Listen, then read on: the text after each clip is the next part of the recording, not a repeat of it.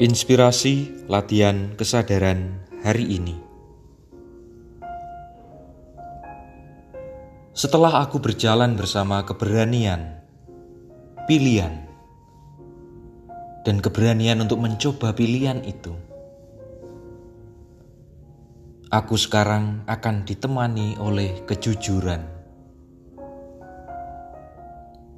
Nama yang sudah lama aku kenal sejak masih kecil bahkan hingga akhir hayat nanti.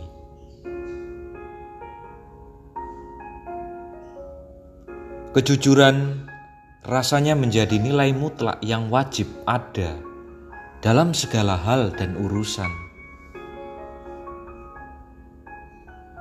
Kejujuran tidak mengenal waktu, tempat, usia, status, atau apa pun itu. Kejujuran menjadi nilai hidup yang begitu netral dan berlaku universal.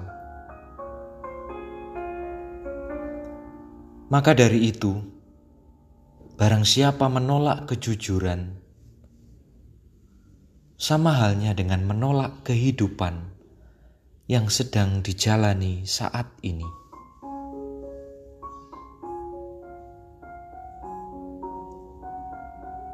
Dalam hal keputusan, kejujuran merupakan bagian yang amat penting dan berharga. Bayangkan saja apabila setiap keputusan diawali dengan satu kebohongan. Maka yang terjadi berikutnya, keputusan yang disertai dengan ketidakjujuran akan berimbas pada keputusan berikutnya yang pastinya juga disisipi dengan ketidakjujuran. Ketidakjujuran yang satu akan mengakibatkan ketidakjujuran yang lain, hingga akhirnya membentuk sebuah spiral kebohongan.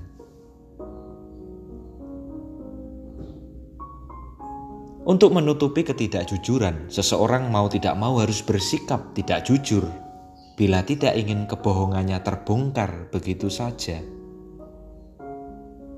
Akhirnya, semakin dalam dan rumitlah perangkap kebohongan menguasai logika dan perasaan.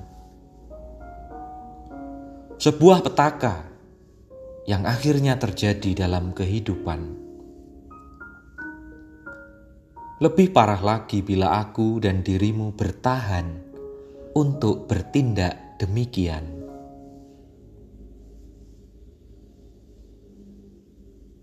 Ketidakjujuran pada akhirnya menjadi hal dan perilaku yang lumrah dan wajar dalam kehidupan.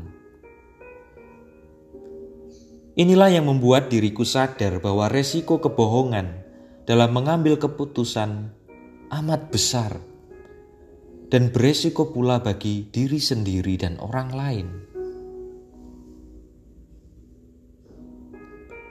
Jujur memang bukan soal rasio pertama-tama, melainkan urusan nurani. Karena urusan hati nurani, maka tidak setiap orang berhasil mengendalikan dan mengatur hati nuraninya agar dapat berfungsi dengan semestinya. Yang tak jarang terjadi ialah hati nurani menjadi hambatan untuk sampai pada kerinduan yang diharapkan. Tuntutan dunia intelektual dan persaingan kehidupan menuntut aku dan dirimu menjadi pribadi yang matang dalam pertimbangan sebelum mengambil suatu keputusan Keputusan akhir haruslah sesuai dengan rasio dan jangan sampai merugikan.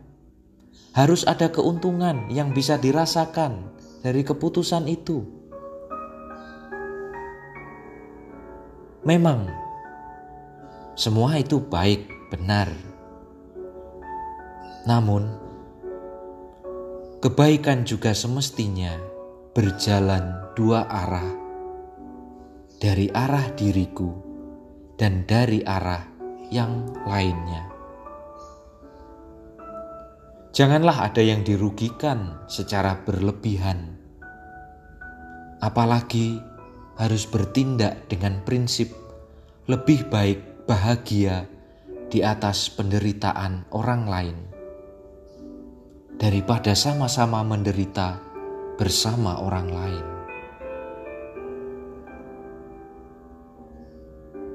Salam bengkel kesadaran.